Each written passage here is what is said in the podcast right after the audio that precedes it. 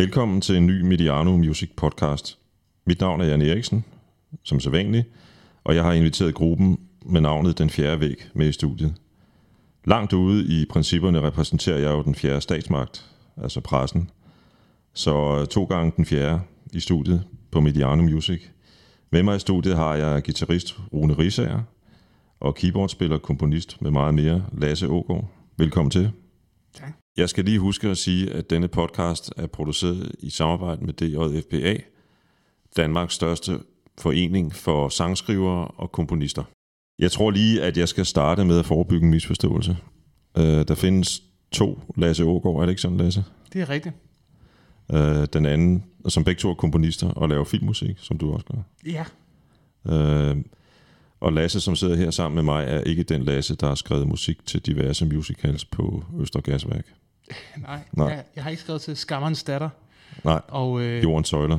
Bananen skrald den før din nabo. Det, øh, det er Lasse Ågaard, øh, den anden, altså det ved jeg ikke, man, det er den anden Lasse Ågaard, der, der har gjort det. Det har jo ikke noget med den anden Lasse at gøre, men Bananen Skralden før din nabo er formentlig den dårligste danske film, der nogensinde er lavet. Jeg har ikke set den. Jeg ved, han har også lavet til krummerne. Øh, så han har lavet nogle forskellige af de der Reiner Grasten film. Ja.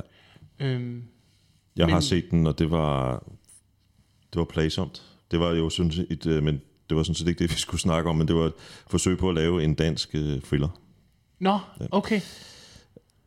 Det, Jeres musik er der nogen, der kalder drømmepop, og jeg tror, der er mange, der også bruger udtrykket eklektisk pop. Det kommer vi tilbage til i løbet af den her podcast.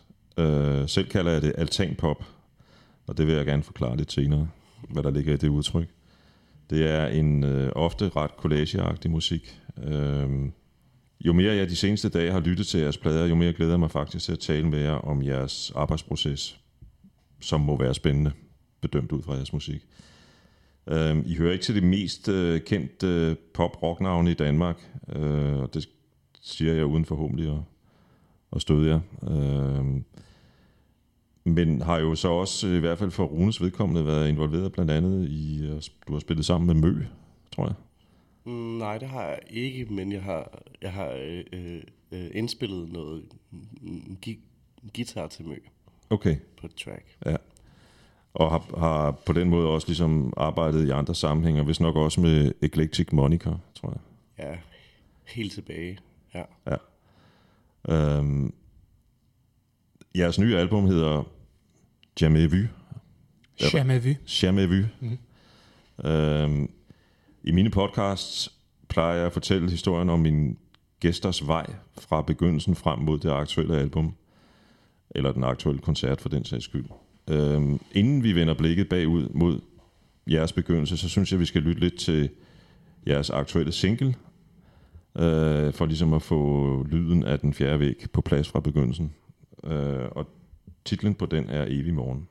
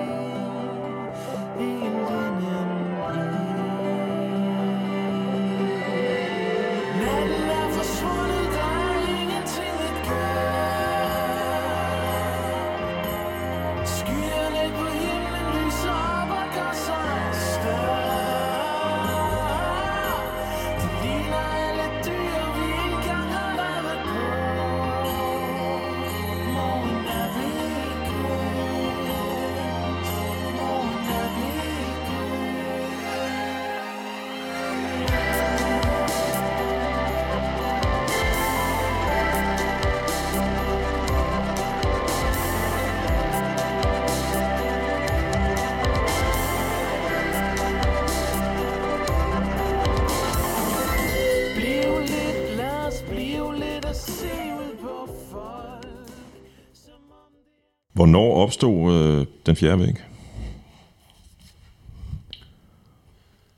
Det er lidt svært at svare på, øh, fordi der er forskellige sådan, man man sige, nedslagspunkter, men i mit hoved, øh, der opstod øh, kimen til den fjerde væg øh, på Ollerup Efterskole i 2002, hvor øh, Andreas og Rune og jeg gik øh, og så, en, så har det eksisteret i, bandet har eksisteret i sådan nogle forskellige underlige konstellationer, i, altså løbende igennem vores gymnasietid.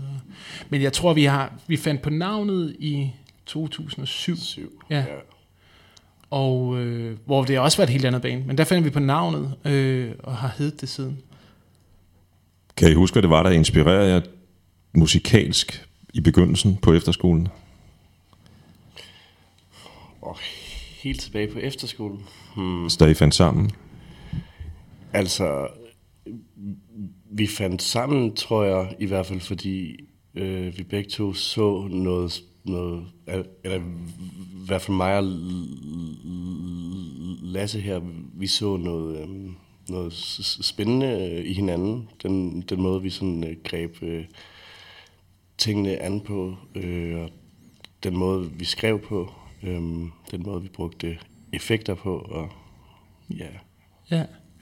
Jeg kan huske faktisk første gang, at vi, øh, at vi snakkede sammen, var, var, var på efterskolen til sådan en øh, koncert, hvor man skulle spille for hinanden, og jeg kan huske, at vi var sådan, altså, vi var helt op at køre over hinanden, fordi jeg, du var op at køre over, at jeg, at jeg spillede guitar og brugte delay. At det var ligesom, Mm. det, var en, det var en helt fantastisk ting. Og jeg var ret meget op at køre over en sang, du havde skrevet. Og i virkeligheden synes jeg, at det, det var sådan...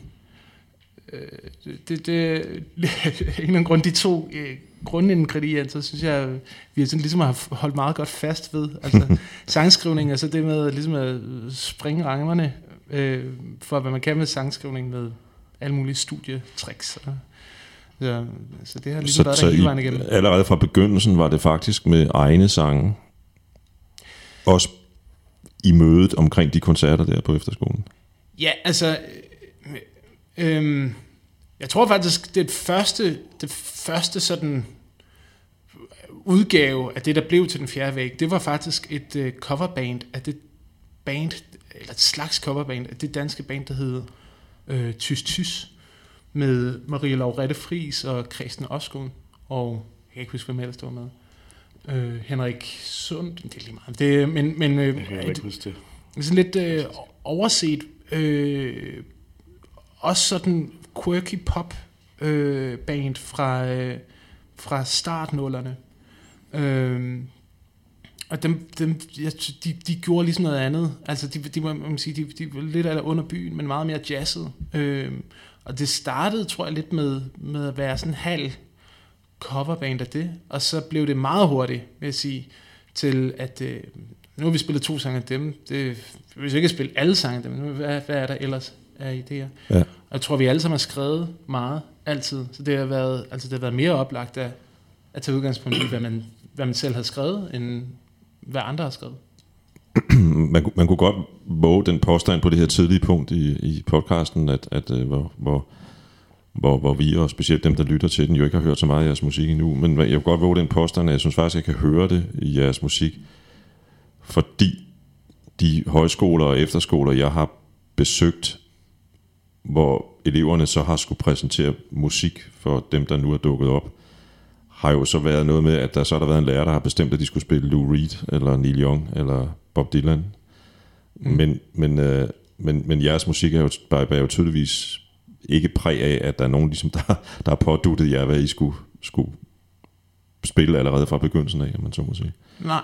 Nej, så har det væ- været mere for, faktisk, at vi sådan har påduttet øh, hinanden noget, og øh, udfordret øh, hinanden. Sådan, hvad, hvad sker der, hvis du går ned øh, af den vej, og hvad sker der, hvis du går ned ad den vej? Ja.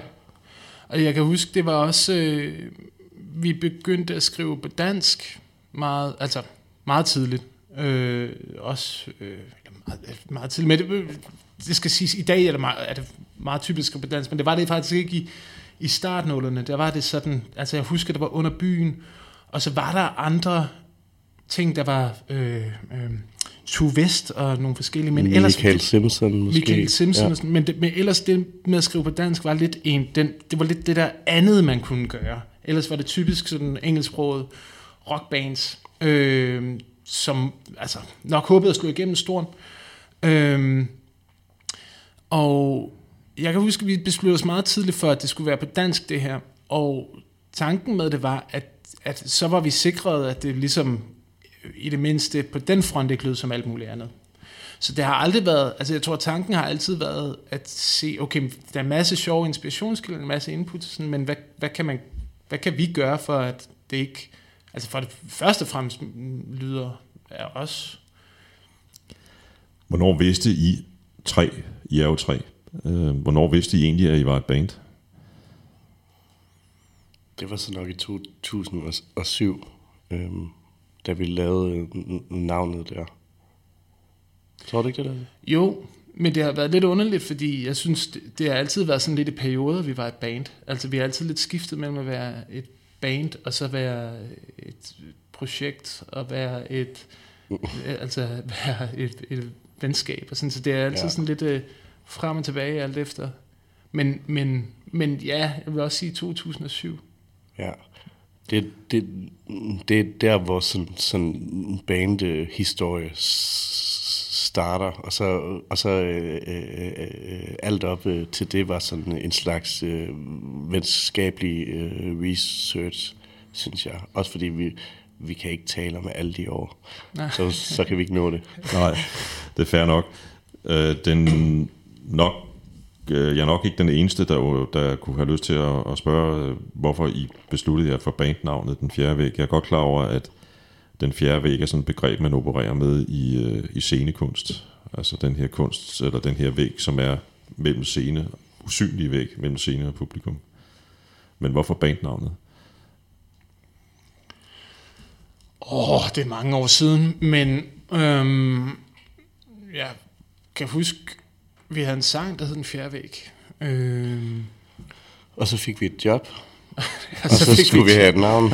Jeg kan huske vores første, jeg tror det, det der var i det var, at det vi hed inden da, var, der var min, en, an- der var min trio, der hed den infame tabernakeltrio. Og for at det ikke skulle, altså for at det ikke skulle løgn, så havde vi den infame tabernakeltrio øh, med øh, fire udopstegn, eller to udopstegn, henholdsvis før og efter navnet. Åh oh, ja. og, øh, og jeg tror, at, at det ramte os lidt i røven, at vi var nødt til at have et eller andet, der var sådan mere øh, mundret. Og så, øh, så husker jeg bare lidt, at vi kiggede på listen over sange, og så lå, det, så lå den sang øverst. Og det er jo nogle gange, så kommer de bedste gaver sådan op fra ned. Øh, det, det var det, vi endte med at hedde. Jeg synes stadigvæk, at det... Der findes en version, der findes en version, der siger, at øh, grunden til, at The Beatles hedder The Beatles, hed The Beatles, var, at der var nogen, der havde opdaget en bille, da de skulle finde på et eller andet at kalde sig. Det blev så i første omgang til The Silver Beatles. Så ja, det er tit tilfæld, tilfældigheder, der afgør det. Ikke? Ja, så, så tror jeg, at det, der øh, fik mig sådan lidt solgt, øh, det var, at du forklarede, Lasse, at du havde, du havde læst om det her begreb. Øhm, og så var der et eksempel fra en øh, Steners stoffer. Ja. Øh, altså det der med, når, når Sten han, han taler ud til læseren. Og det var jeg bare sådan, ja yeah, man, det kan jeg godt til. Jeg elsker Sten og stoffer. Og, og øh, det, det gav sådan øh, ret god mening, at, øh, at det skulle vi også gøre. Jeres første album udkom i 12 Mm. med titlen Drengekys. Mm. Øh, var det noget, I udgav selv, eller var det på et af de mere eller mindre etablerede pladeselskaber? Den udkom først på et øh, meget, meget lille øh, tysk pladeselskab, der hed Fyr Records. Øhm, på det tidspunkt, da den udkom der, der var pladen færdig. Altså, den var færdig og færdig mastereret. Øh, Og så mødte vi øh, en, en dansker, der var bosat i Berlin, der gerne ville udgive den. Øh, og, og, det, og det gjorde han, og det var, det var fint. Øh, ja, Jeg synes, vi skal lytte til et nummer fra Drengekurs. Mhm. Og øh, jeg kan godt lide det nummer, der hedder Et svin blandt os alle, tror jeg, det hedder. Ikke? Øh, så lad os lytte lidt til det, inden vi taler videre.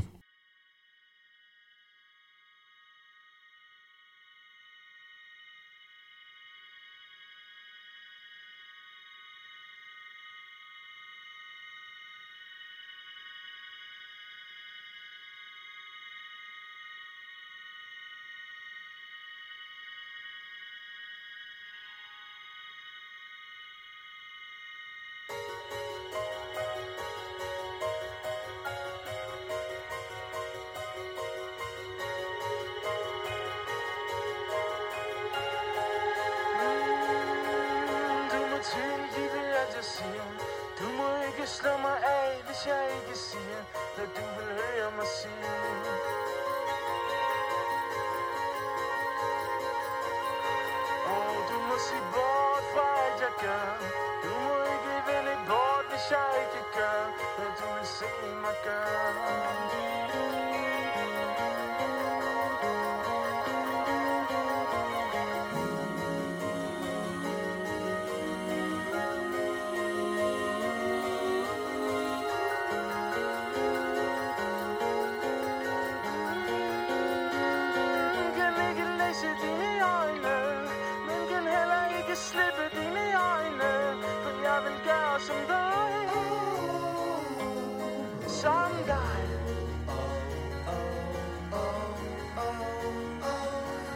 Jeg vil gøre som dig Som dig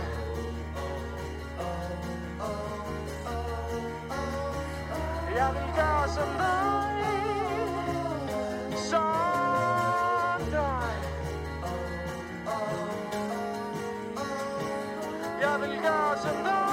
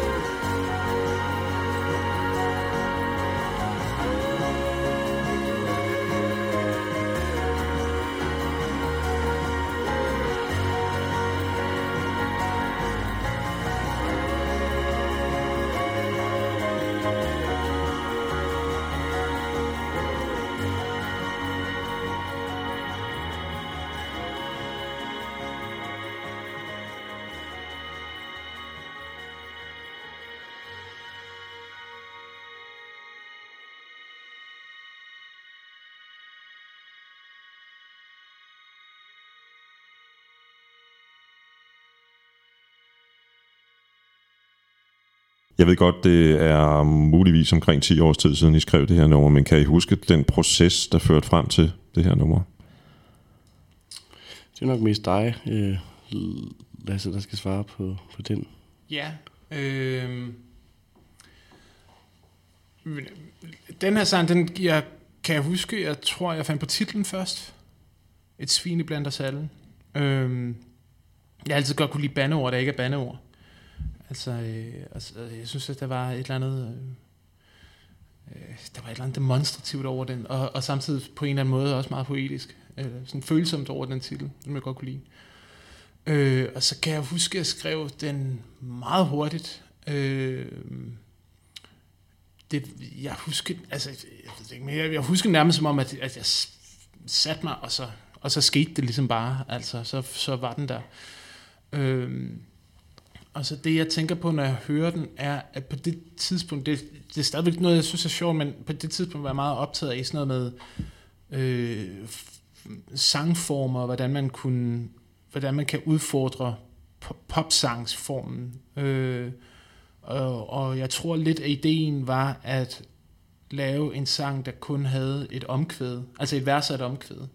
Så i stedet for, i stedet for hele tiden, at man skal frem og tilbage, frem og tilbage, så, så ligesom sige, den starter et sted, og så, så slutter den ved omkvædet. Der er ikke nogen grund til, altså, når det fede har været der, hvorfor skal vi, hvorfor skal vi så tilbage igen? Hvorfor vil vi bare blive lidt af det fede? Øhm, det, var, Det, det, det er faktisk en af grundene til, at jeg godt kan lide det nummer. Fordi hvor tit har man ikke, som sådan en gammel popmand som jeg, siddet og lyttet til en rigtig god popsang og tænkt, kunne de dog for F bare blive i omkvædet? Fordi det er der melodien ligger, ikke? Ja. Øhm, og jeg ved godt, at, at øh, det er jo så, som du selv siger, det er en udfordring af en form, som normalt ellers er sådan rimelig fast lagt skabelon for, hvordan popmusik Ja. skal lyde. Øhm, og i øvrigt kan man vel, for nu lige at gribe fat i det udtryk, kan man vel sige, at I generelt er ude på en mission, der handler om at udfordre popformularen, er I ikke? Eller er det mig, der ligger? Jo, det synes jeg, vi altid har været. Ja.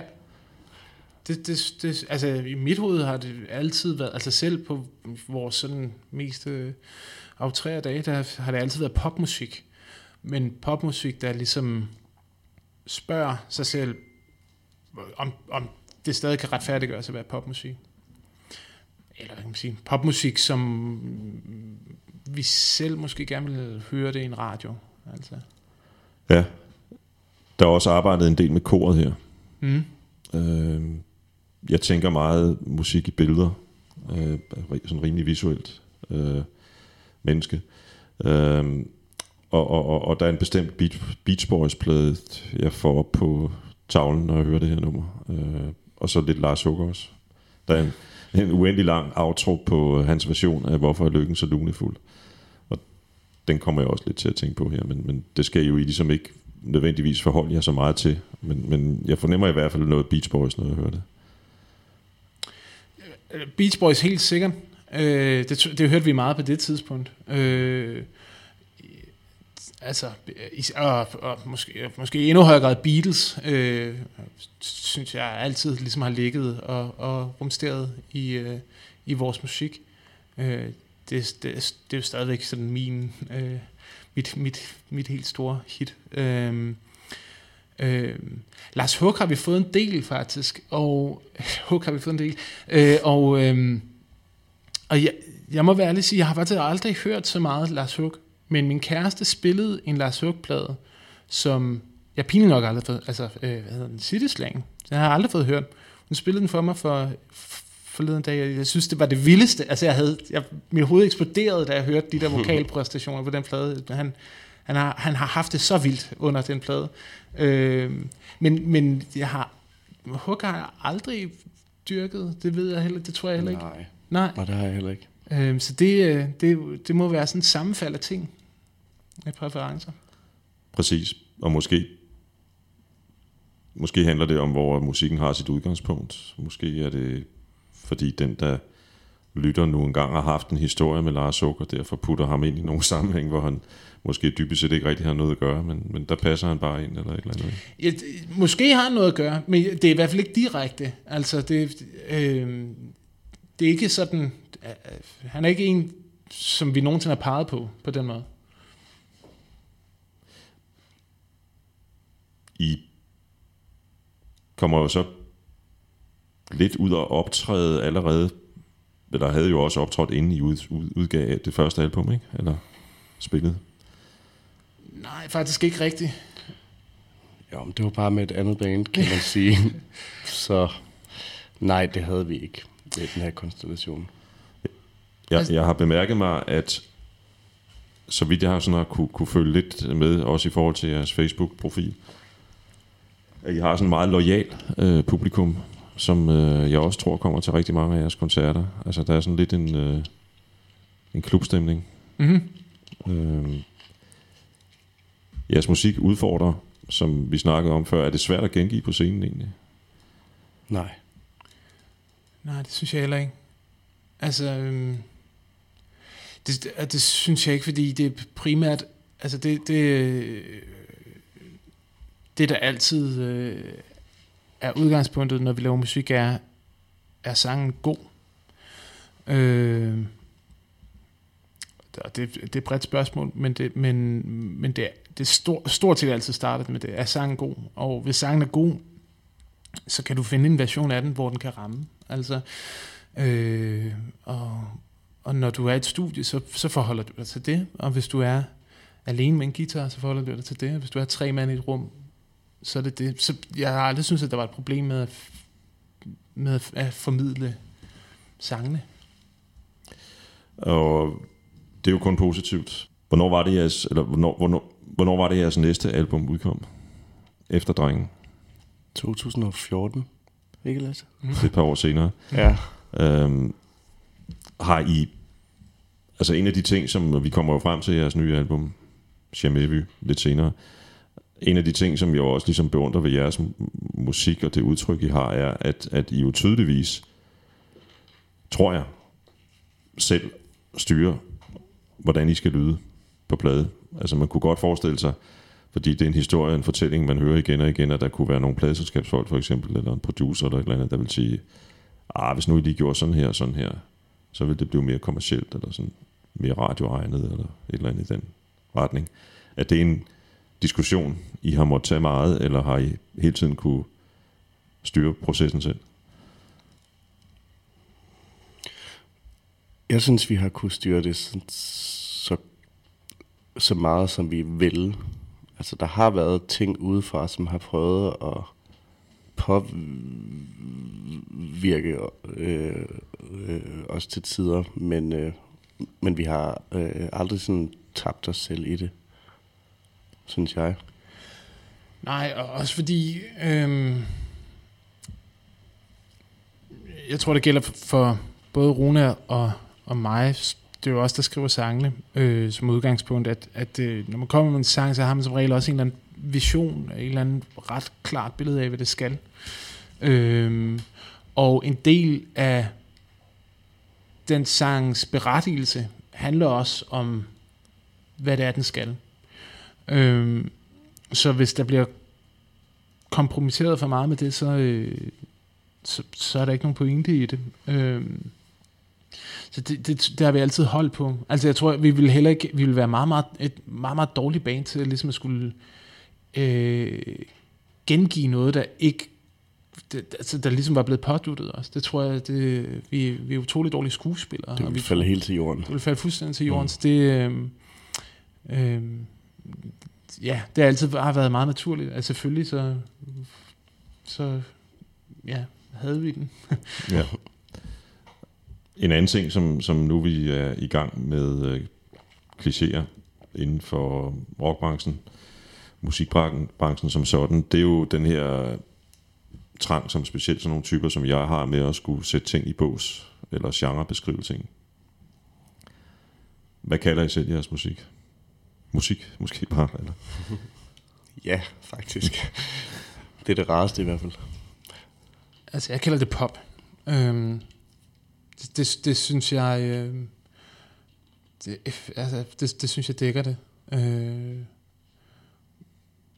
og, og, så, og nogle gange, så kan man jo så blive, hvis der er nogen, der spørger, "Jamen, okay, men hvad? Altså, så kan man sige, "Jamen, det er eksperimenterende pop, eller det er... Mm. Det er også, altså, jeg vil, jeg vil hellere have, at folk finder en bås selv, end, end, øh, øh, end at vi sådan pådutter dem en. Men hvis man er i et bestemt miljø, øh, hvor det lige, øh, øh, hvor man tror, at man kan øh, skubbe... Nej, ej, ej, nu begynder jeg at vrøvle, men, men, men nogle gange i bestemte miljøer kan, kan jeg sige, øh, for eksempel øh, art pop, fordi at, at så ved jeg, så ved de, hvad, hvad jeg mener med det, og overfor nogle andre kan jeg bare sige pop, og så videre. Ja, ja, ja. Men altså, det er jo bare... Øh, Altså, der er et udtryk, der sådan de sidste mange år jo har haft sådan, som, som er blevet brugt i, i flæng, vil jeg nærmest sige, og det er det udtryk, jeg brugte i indledningen, nemlig eklektisk pop, eklektisk rock for den sags skyld også, ikke? Som, som ligesom skal beskrive, at det her, det har alle mulige former for udtryk i sig i virkeligheden, og inspirationer fra både det ene og det andet. Uh, det er et udtryk, jeg ikke er så vild med selv, fordi jeg kan egentlig meget godt lide bare at sige pop, og så kan man jo selv lægge sin egen, igen, lægge sin egen historie i det. Det er nemlig det. det altså, jeg, jeg, øh, det der er med pop, er jo, at det som genre er et meget, meget dårligt begreb, fordi hvad er pop? Pop er jo... Øh, pop er noget, vi altid hele tiden finder på. Øh, så den, altså, poppen er, i dag er i gang med at blive lavet. Det er den, der kommer i morgen. Og pop i dag kan, altså, kan på ingen måde sammenlignes med pop for 40 år siden. Så på den måde er det også et, det er et beha- bekvemt begreb. Øh, det har det til fælles, at det ligesom prøver på at række ud efter folk, øh, hvor man kan sige, rockmusik måske mere har sådan, altså mere har et regelsæt, øh, mere har en opskrift, nogle stilistiske træk, men altså, eklektisk pop passer måske meget fint. Der er nogen, der siger indie pop. Det ved jeg ikke rigtig, hvad det betyder. Øh, men jeg er også en lidt en ordkløver. Øh, øh, Det er godt at være, når man skriver tekster. ja, altså, Apropos det, inden vi hopper videre til Danser, som udkom i 2014. Jeg har læst, at øh, jeres første album var til dels inspireret af Tom Christensen. Er det rigtigt? er Forfatteren Tom Christensen. mm. På hvilken måde? Jamen, øhm,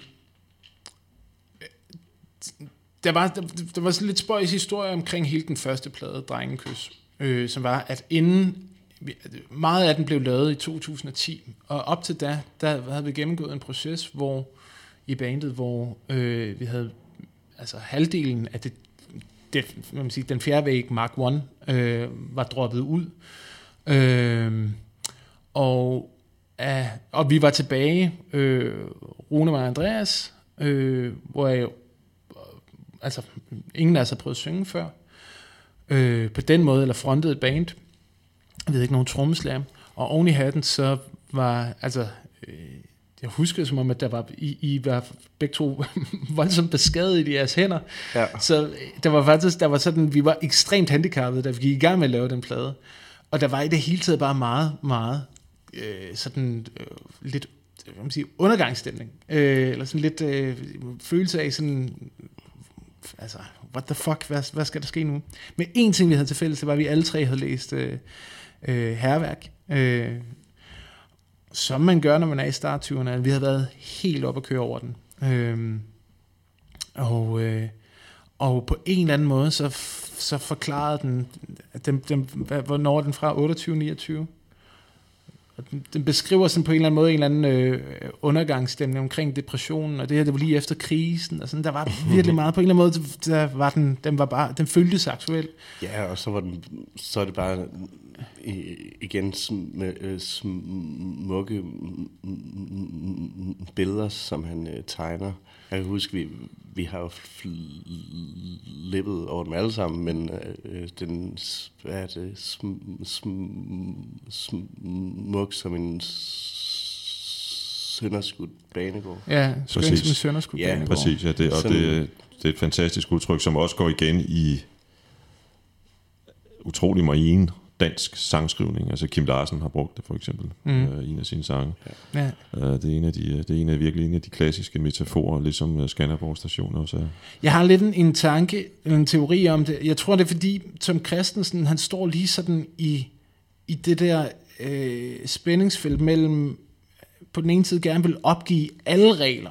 Altså han vil gerne ligesom vride sig, løse det hele og kaste sig ind i den der hårde modernisme. Øh, og samtidig så er han så, hans, han er så skolet, hans ting er så smukke, altså af natur, at det der spændingsfelt mellem noget, der, der gerne vil bryde ned, og noget, der gerne vil vokse op, det, det skaber de her meget, meget sådan potente billeder. øh, som den bog er fyldt med. Øhm, så, og jeg tror også, altså jeg husker som om nogle af teksterne var meget, altså en sang som Konkursfest var meget øh, inspireret af, af, Tom, af Tom Christensen. Og, Ja. ja, Typisk, eller hvad kan man sige, det er også en, en, en, titel, der virkelig taler sit eget sprog om, at man har at, at være blevet skrevet på bagkant af finanskrisen, ikke? mm. Mm. Konkursfest. Ja. Øhm, et lille bitte sidespring fra min side her er jo, at her vil jeg så lige rehabilitere Ole Ernst, som var med i Bananen Skralden før din nabo, som jeg sad og dissede i begyndelsen. Han spiller fantastisk i filmversionen af Herværk. Mm. Jeg, jeg har om ikke I set filmen, Ja. faktisk. Jeg har set den, det er Ja, ja. rigtigt. Det, det, han er, jeg synes, han, det er ham, der retfærdiggør den film. Det er, at han faktisk er den, den helt ægte Ole Ernst. Eller ikke, det, Ole han er, Jastrab. Ole Jastrab. Der er ja, et, navn, et navnesammenfald der, ja. ja, ja, Fornavnet, ja. ja. Og så øh, Paul Bundgaard er jo også rigtig god. Han, hvad, er det, hvad fanden er det, han spiller? Ja, han er med i filmen, jeg kan ikke huske hans rolle. Nej, nej, det, jeg kan, det, det, han spiller det en er af de Ole der- Ernst, der står tilbage for mig. En af dem, der går i forfald der, ikke? Ja, Øhm, og var jo ellers mest sådan forbundet med populær film, og hvad var det, det hed dengang, jeg var dreng? Øh, operetter. ja. Øhm, lad os hoppe op til Danser, øh, albumet 2014. Øhm, og jeg kunne godt tænke mig at lytte til et nummer, som jeg er meget begejstret for, som hedder Forrette. Det er ikke, øh, det skal lige sige, det er ikke fra danser, faktisk. Det er fra Jeg giver slip, hvis du giver slip. Jamen, øh, tak kom. for at rette den fejl. så springer vi lige to, øh, to trin frem. Øh, det passer meget godt til dans. Øh, men, men lige inden vi hopper op til Jeg giver slip, hvis du giver slip, så kunne jeg godt tænke mig at spørge, albumet Danser, øh, det ligger næsten i titlen. Var det sådan et, et øh, nu har vi skrevet et nummer på bagkant af en krise, nu skal vi skrive noget, øh, noget lidt mere sådan glad, eller lyst? Jeg skal lige spole tilbage. Ja. Øhm, det, ja, det var det faktisk. Altså, øh, jeg, t- jeg mindes, jeg havde en eller anden tanke om, at Drengekys var et forårsalbum, og Danser skulle være et sommeralbum. Mm.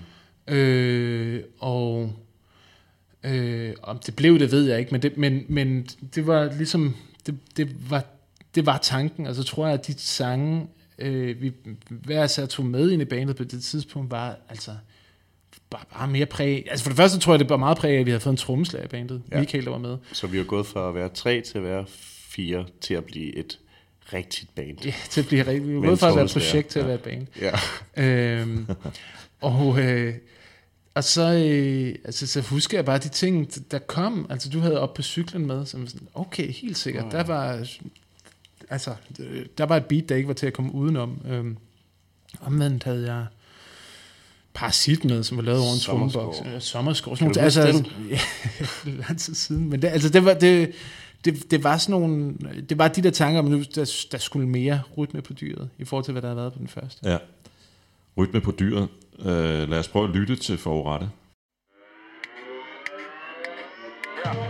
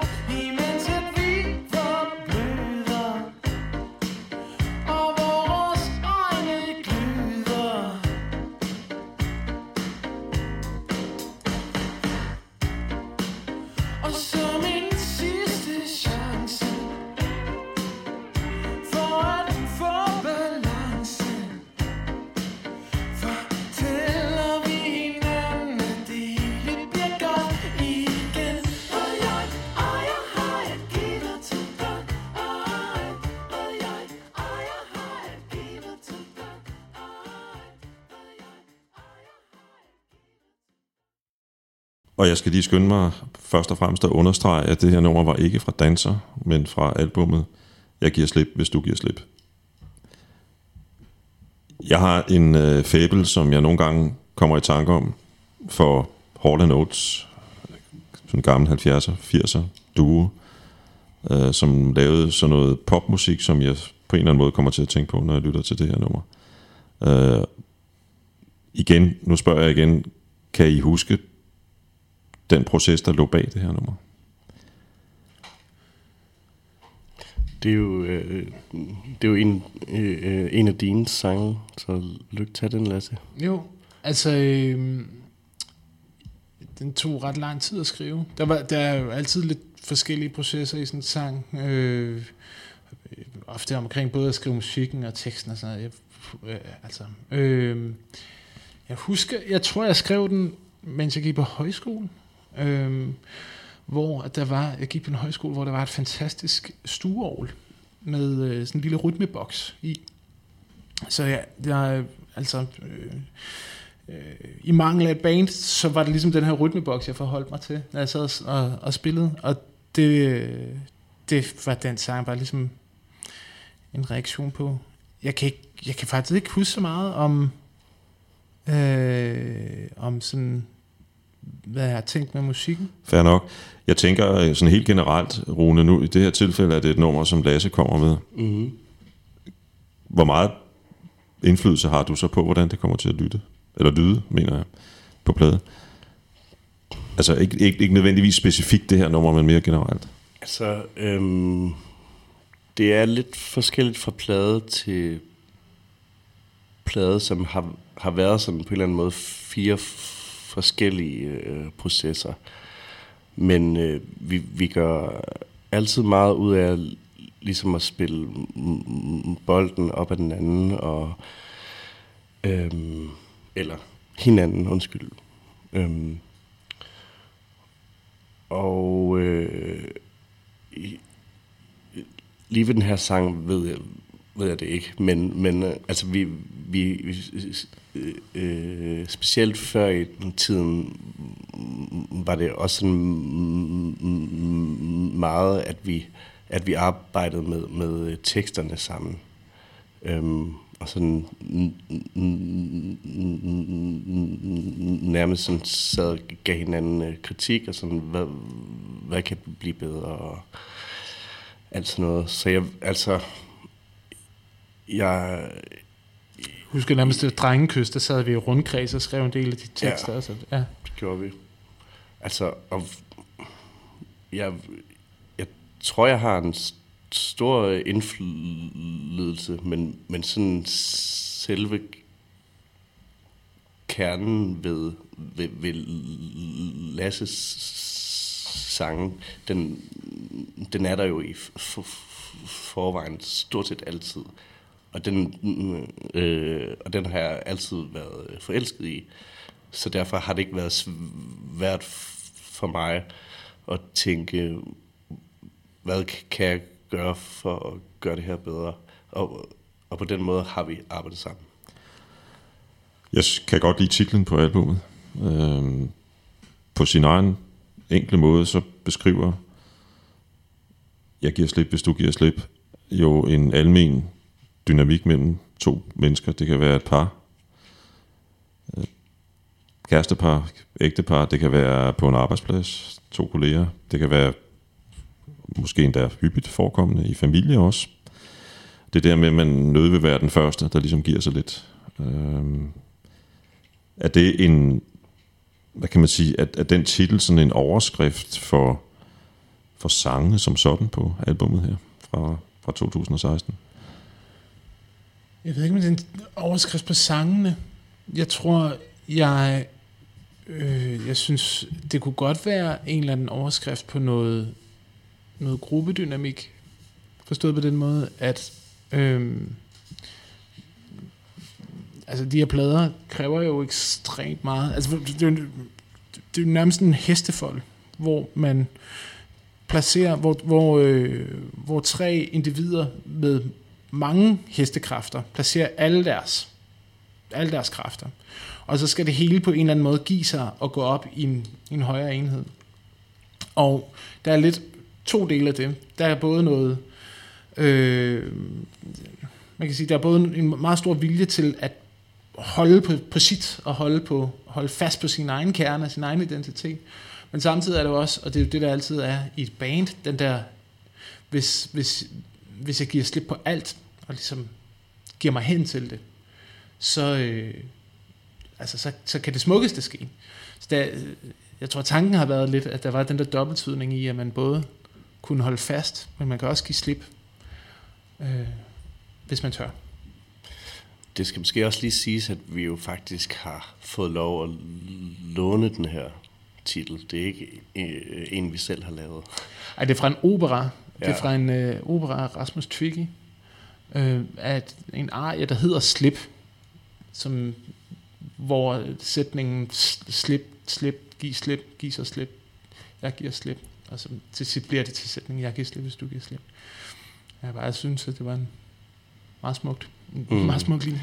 Det har, det har været en af de sådan, bedste øh, øh, arbejdstitler, vi har haft faktisk. Fordi man, man kunne sådan ligesom bruge den, når man skrev tekster, når man var i studiet. Man, man kunne altid bruge den. Mm. Det var virkelig Ja, og som, som kunstner også, og så er at, at, at ens, hvad kan man sige, ens kunstneriske sådan øvre, det man skaber, og måske hvis man har et instrument, som man har et særligt nært forhold til, som, som du jo har med gitaren videre, så er det jo også, altså så er det jo en del af ens identitet i virkeligheden, man, man skal så sige, man ligesom give lidt slip på, hvis man skal finde den der fælles løsning, ikke? Mm. Øh, og derfor kan jeg godt forestille mig, at det kan være, det kan være lidt hårdt, ikke? Udfordrende. Mm-hmm. Meget. Altså, det er... Øh, altså, jeg tror ikke, der findes, der findes nok ikke øh, sådan en konstellation, hvor man kan gå og drømme så meget som i et band. Altså, jeg har nogle gange spillet på, om det der udtryk, det hele startede med en sang om en drøm, om det ikke kommer fra, altså om det ikke er sådan et gammelt bandudtryk, fordi det altid starter med en sang og en drøm. Øh, så der er altid den der det der med, at man kan placere så meget mental energi i et band på noget, der i bund og grund er abstrakt. Og det, musik er abstrakt, så selv i, i sin mest konkrete form er det stadigvæk abstrakt. Og der placerer du så meget af dig selv i det. Øh, og det er også derfor, det er så nemt at ligesom gøre grin med, tror jeg. Det er så nemt at sådan ligesom stereotypisere, fordi det, Altså, det er lidt... Hvad, hvad, slap nu af, altså, hvad fanden... er- Det, hvad, der, er jo ikke, der er jo ikke noget i det. Eller der er jo, øh, det er jo bare en sang, eller sådan... Altså, om den er 2 dB højere eller lavere, den der lille trum. Det lyder godt, kom nu videre, altså. Men, men, øh, men øh, hvis, man, hvis man går og drømmer meget om det, og er nærmest besat af det, så kan det være svært at give sig. Jeg tror, det er svært at svare på det spørgsmål, jeg stiller nu, men jeg gør det så alligevel. Øh, hvad var egentlig jeres oprindelige drøm, nu vi snakker om drømmen? Øhm, det, det var vel at lave den her musik. Altså, det, det, det Ja. Altså, egentlig var det til at starte med sådan helt bare... Jeg, jeg blev vild med, med den måde, du skrev på. Og så tænkte jeg, det ville jeg, jeg gerne øh, gå ind i. Og så øh, efter det var det, hvordan kan vi... Øh, hvordan kan vi få den her musik ud i Danmark simpelthen? Hvordan øh, kan, kan vi øh, udfordre folk? Fordi vi var trætte af, den kommercielle øh, øh, musik, der var. Jeg, jeg vil så sige, øh, at- den drøm har så lidt øh, ændret sig siden, fordi som du sagde, så var vi jo ikke et særligt kendt band, øh, eller er et særligt kendt band. Jeg, jeg, det, det er heller ikke så vigtigt for mig øh, længere overhovedet. Nej.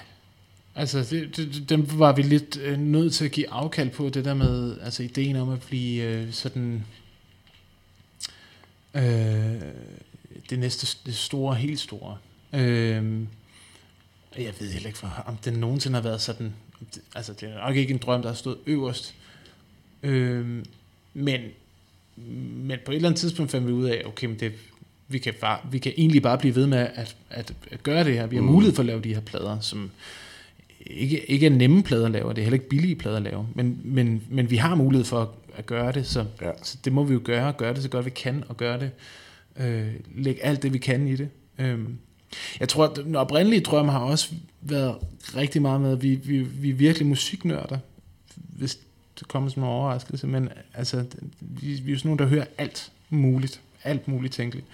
Øh, så det her, der findes næsten ikke noget, hvor det er så fedt at kunne samle sine musikinteresser som i, i band, fordi man hele tiden kan prøve sin inputs af. Så jeg har hørt det her underlige stykke kompositionsmusik. Nå, men det passer meget fedt med den her afrikanske stammedans, jeg har hørt. Øhm, har du hørt den sidste øh, Otekra-plade? Og så videre, så videre. Altså, at man... Øh, og så er det en sjov udfordring så at sige, alle de her underlige referencer fra øst og vest og nord og syd, kan de på en eller anden måde passe ind i en popform? Altså kan man lave en, kan man lave en sang, som folk ikke lægger mærke til bagefter, de stadigvæk går og nytter? Mm. Øhm, Det fascinerende ved, ved, ved jeres branche er jo, at, at øh, du, siger, du bruger selv udtrykket givet afkald, måske på den der drøm om make it big, øh, måske endda også uden for landets grænser, men, men øh, jo nok ikke, hvis man synger på dansk i øvrigt, men det er så noget helt andet. Øh, men det fascinerende ved branchen er jo også, at nogle gange sker det jo alligevel. Mm. Altså, der var jo ikke nogen, der havde set hende der Billie Eilish komme, for eksempel. nej. Eller Lana Del Rey, da hun brød igennem for en 8-9 år siden. Mm. Øh, så nogle gange sker det alligevel. Mm. Øh, og så kan man så bruge den her gamle frase med, at hvis jeg vidste, hvordan, så var jeg mange milliardær, eller et eller andet i den Ja. retning. Ikke? øh, jeg har tænkt på noget, med, faktisk både mens jeg sad og forberedte, og også mens vi, vi nu sidder og taler sammen. Øh, det der med nogle gange at sige, som du selv siger, ja, men så er den måske lige 2B, dB højere end det egentlig bør være, eller under, eller et eller andet i den retning.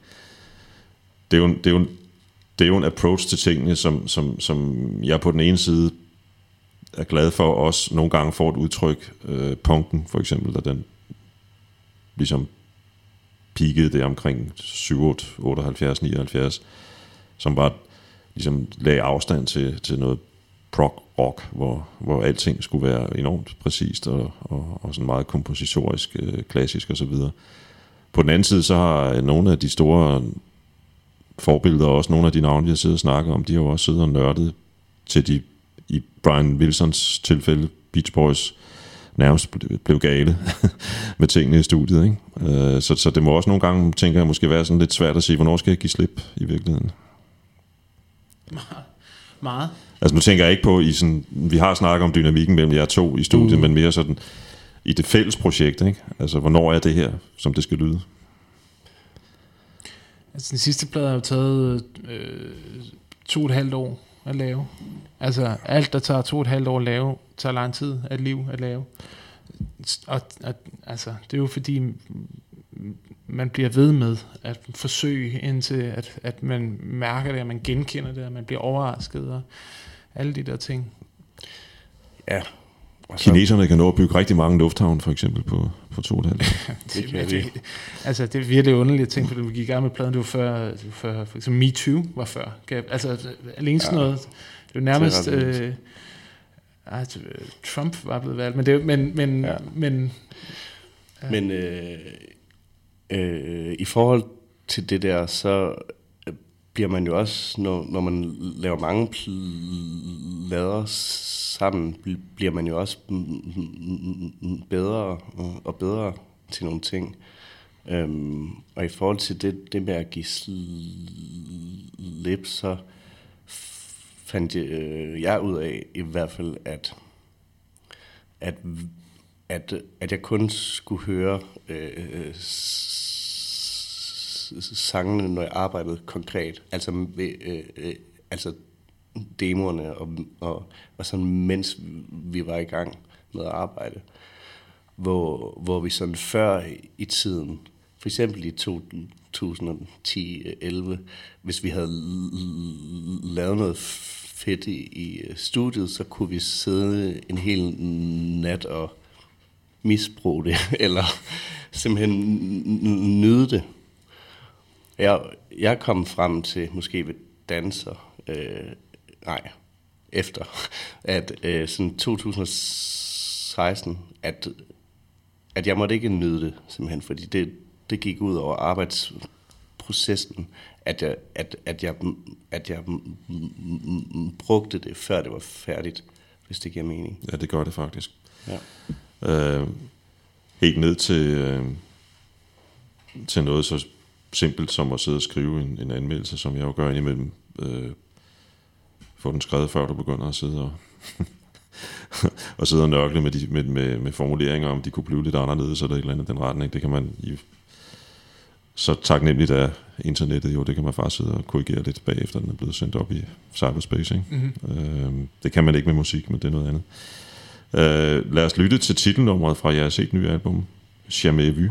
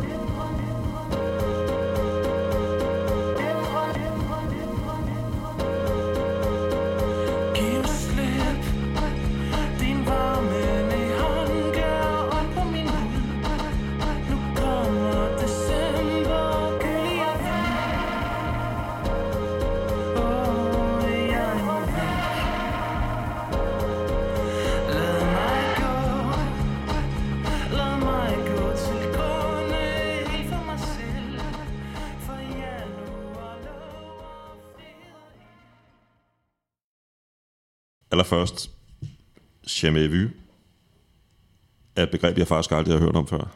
Jeg modtog øh, noget mail med et e-card fra jeres pladeselskab øh, med den her nye plade. Øh, måske skulle I lige forklare, hvad det betyder. Jamais vu er sådan en øh, neurologisk betegnelse øh, i familie med déjà vu. Alle kender déjà vu, at det er den der oplevelse, man kan have, at lige pludselig sådan, gud, det har jeg sgu prøvet før. Jamais vu er sådan set den, den modsatte oplevelse, som jeg også tror, de fleste kender, øh, hvor at man lige pludselig står i en situation, der egentlig burde være velkendt, og så har, lige pludselig får en underlig fornemmelse af, det her, det, er, er jeg det rigtige sted lige nu? Eller er, altså, er det her, det, det her, det føles fremmed for mig?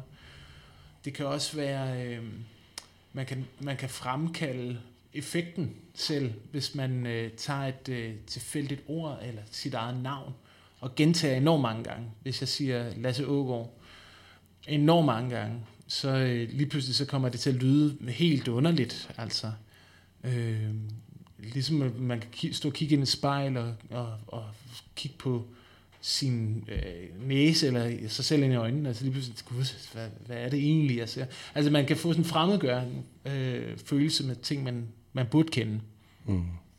Det kan faktisk også, øhm, har jeg fundet ud, øh, øh, ud af, jeg ved ikke, om vi har den- talt om det, men hvis man tager en øh, sang og sætter i, øh, i, i øh, loop, øh, og så hører på det i, i lang tid, lang tid, lang tid, lang tid, lang tid, lang tid, og så starter den forfra, og så jeg siger play.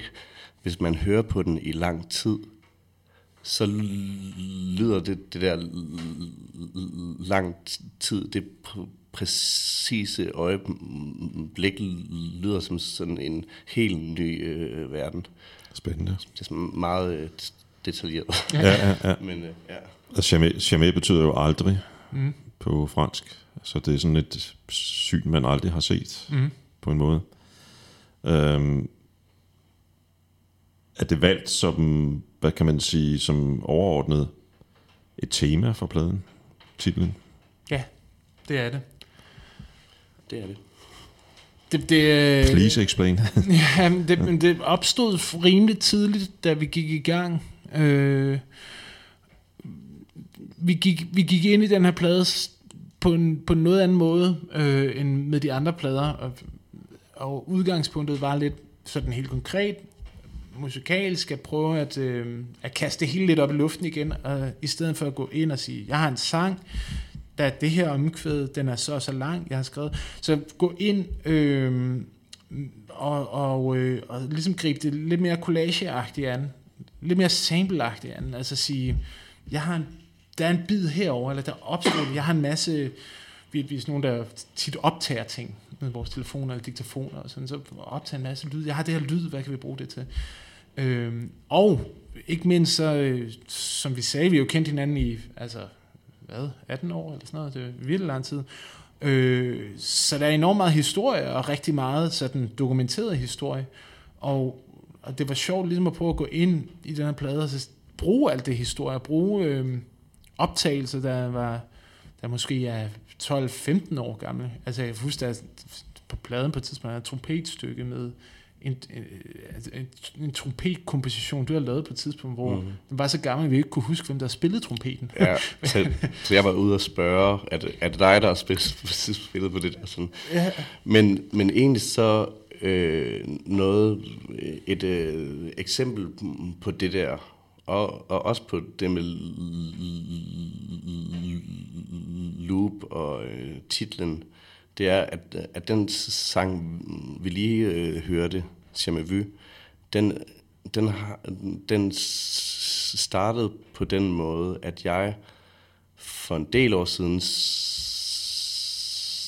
samplede en sang fra øh, Danser, som hedder Fagne, som det, det, det der ah, ah, ah, ah, ui, ui, ui.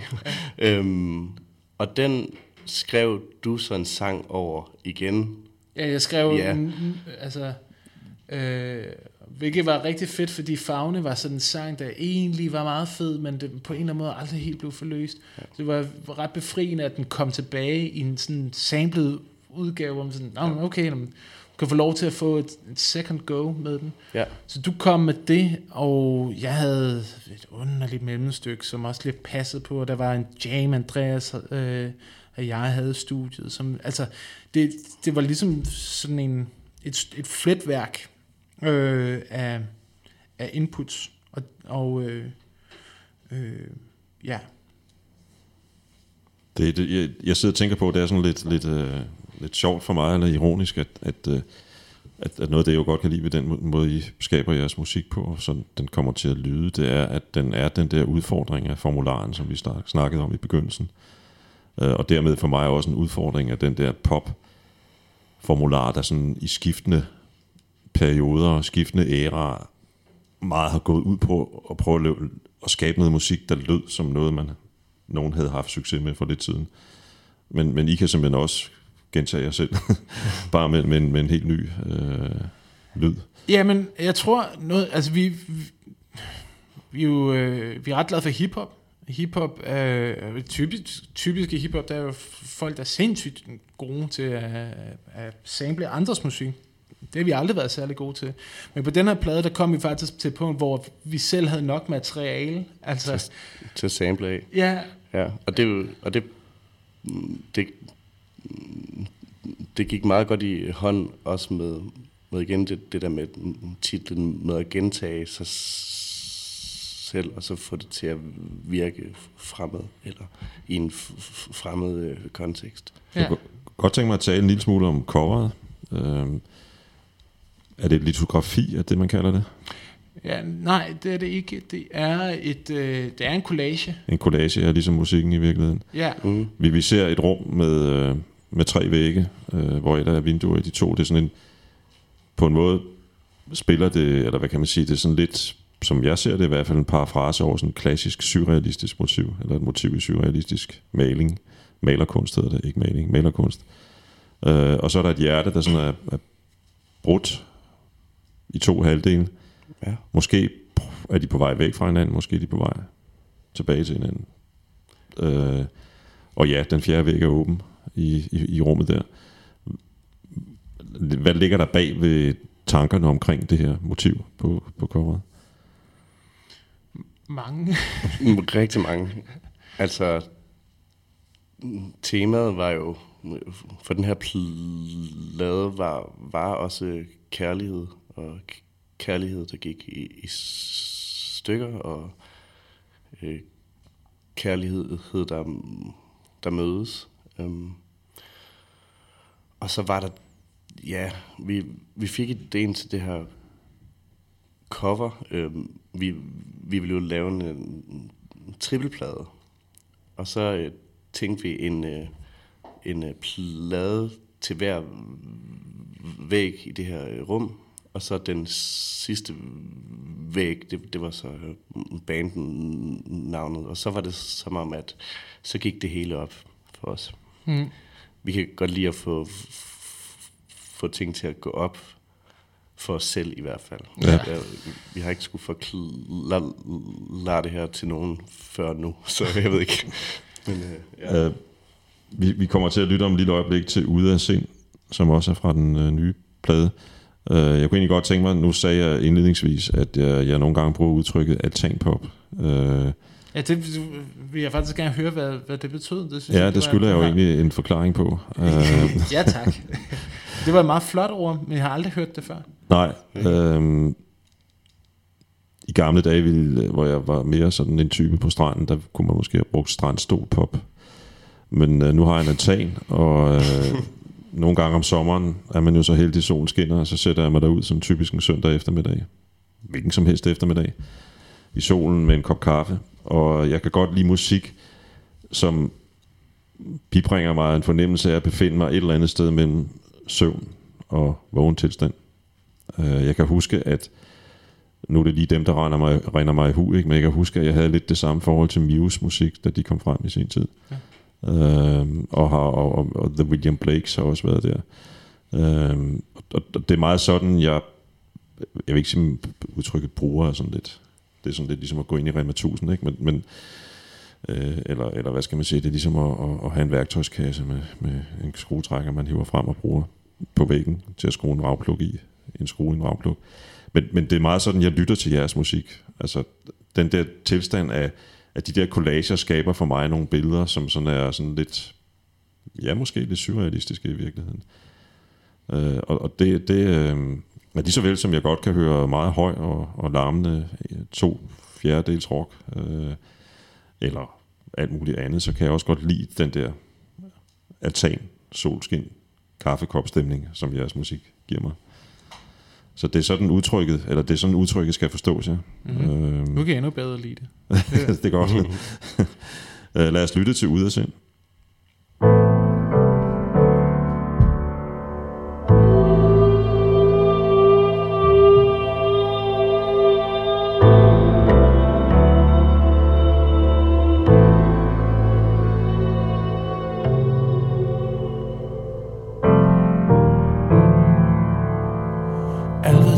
du har sagt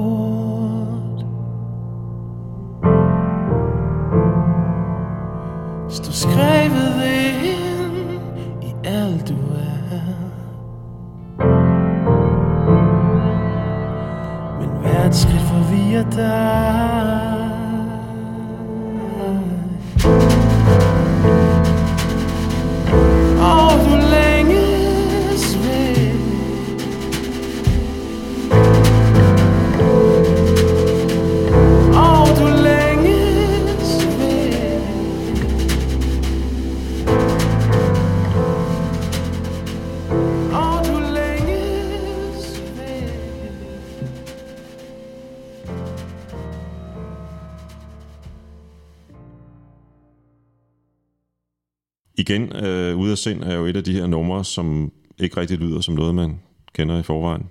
Øh, positivt ment. Øh, det her mål, tunge keyboard, det er som at komme ind i en ret tom stue, tænker jeg. Øh, og, og så er jeg ret vild med, med de der trommevisker, som det lyder som, der pludselig sådan kommer sådan spjættende ind over. Øh, nu er vi ret tæt på øh, processen, så jeg tænker, at jeg nu igen kan stille spørgsmålet, hvordan blev det her nummer til? Altså, så tæt er vi heller ikke på, de der trommevisker så blev optaget for flere over to år siden. Så det, så, Og der, og der var det allerede et halvt år siden, I var begyndt til. Ja. ja, det var. Øhm, den blev til øh, den blev til rundt om klaveret. Jeg tror, min tanke var at skrive en øh, faktisk var, var, ret eksplicit at skrive sådan en hyldest til Mark Hollis, som øh, øh, var forsanger i Talk Talk, der desværre øh, døde sidste år. Øh, og øh, og øh, som en sangskriver, jeg har været meget, meget glad for, vi har i det hele taget været meget, meget glade for Talk Talk. Det er sådan et af vores helt store hits. Ja. Altså. Også en stor øh, inspiration gennem faktisk alle vores plader. Ja, Er det spurgt før. ja, ja, det, det øhm, Vi, undskyld, jeg afbryder, men vi har en podcast liggende udelukkende om et af deres album, faktisk. hvad er det for en af pladerne? Color of Spring. Og podcasten er en samtale med trommeslageren i Nephew, Søren Arnholdt.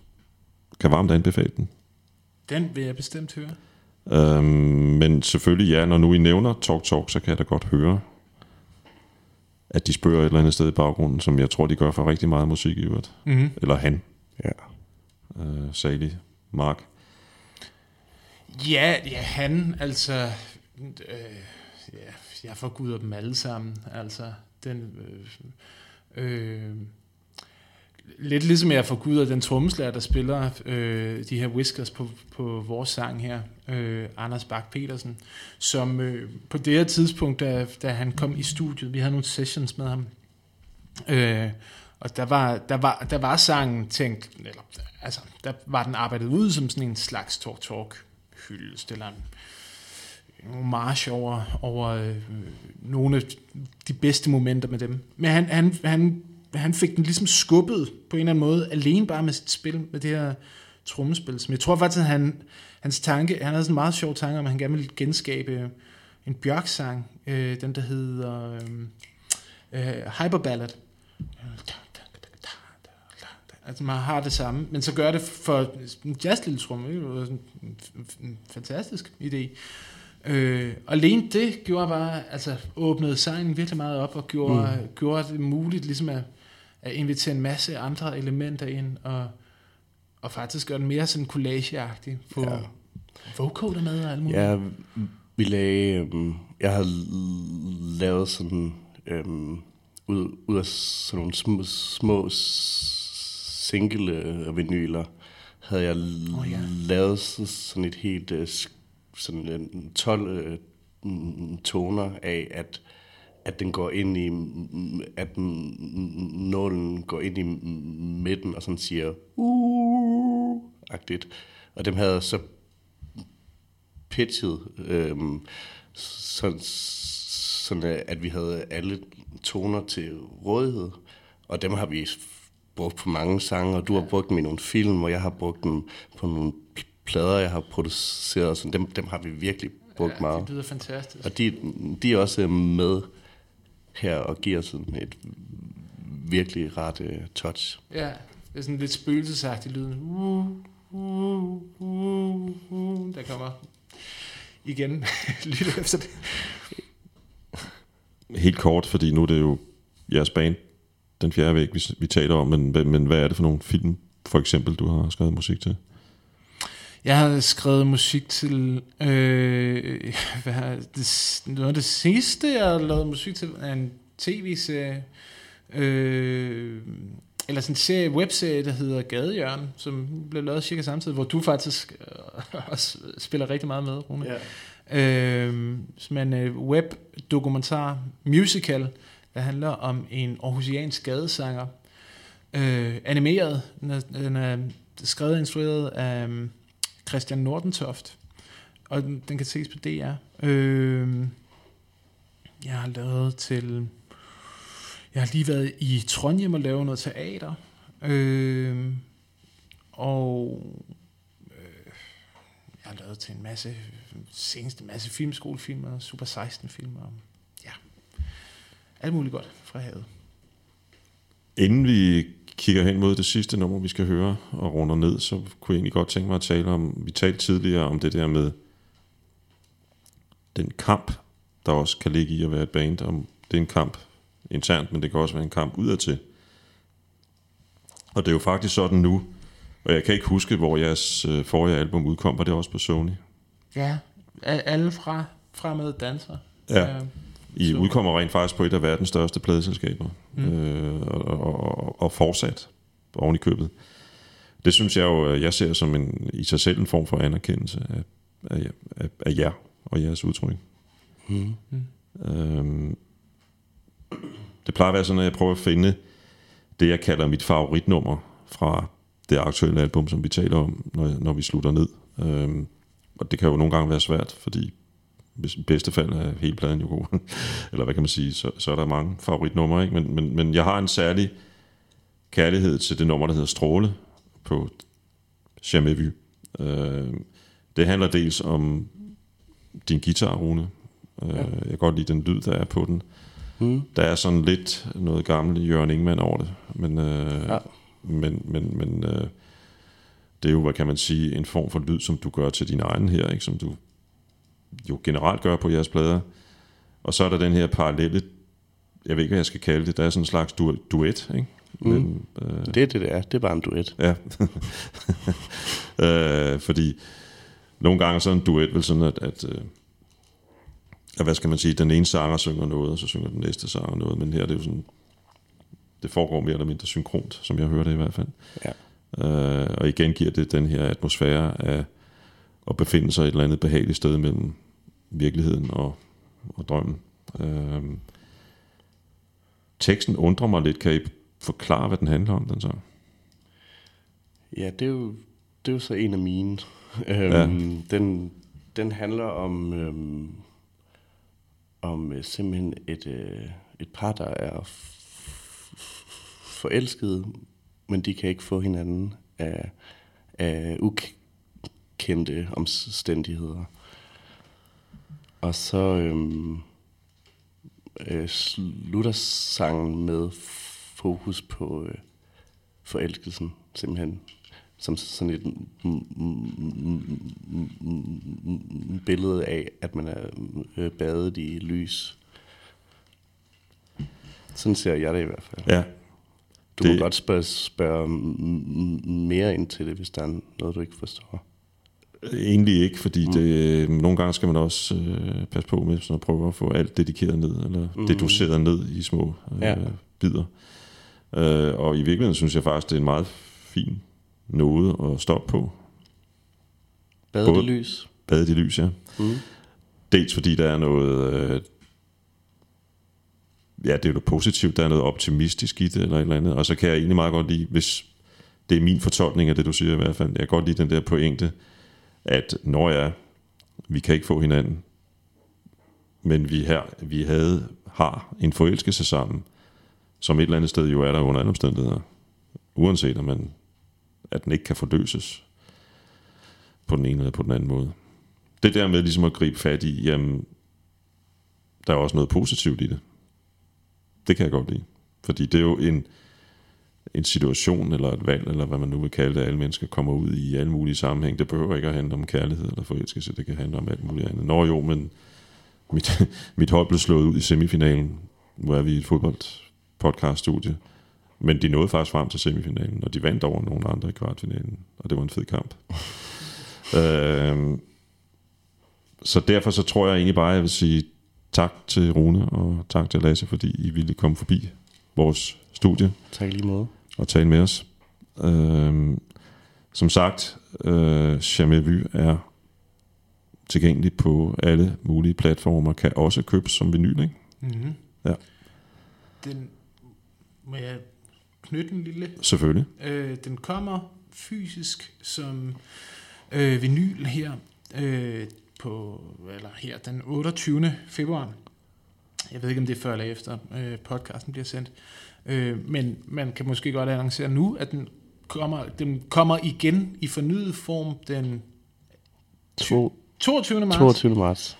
I hvert fald øh, i, i løbet af marts øh, i en, i en øh, udfoldet udgave, som vi ikke kunne, øh, som vi ligesom ikke kunne udgive fysisk, og som er øh, en triple version, og faktisk er sådan, som pladen var tænkt til at starte med. Øh, øh, en triple version, der fylder tre plader af en halv times varighed. Øh, så, øh, så der er nogle forskellige universer, man ligesom kan, kan dykke ned i. Fremragende. Tak for det. Og jeg skal lige huske at sige, inden vi lytter til Stråle, at denne podcast var produceret i samarbejde med DJFPA, som er Danmarks største forening for komponister og sangskrivere.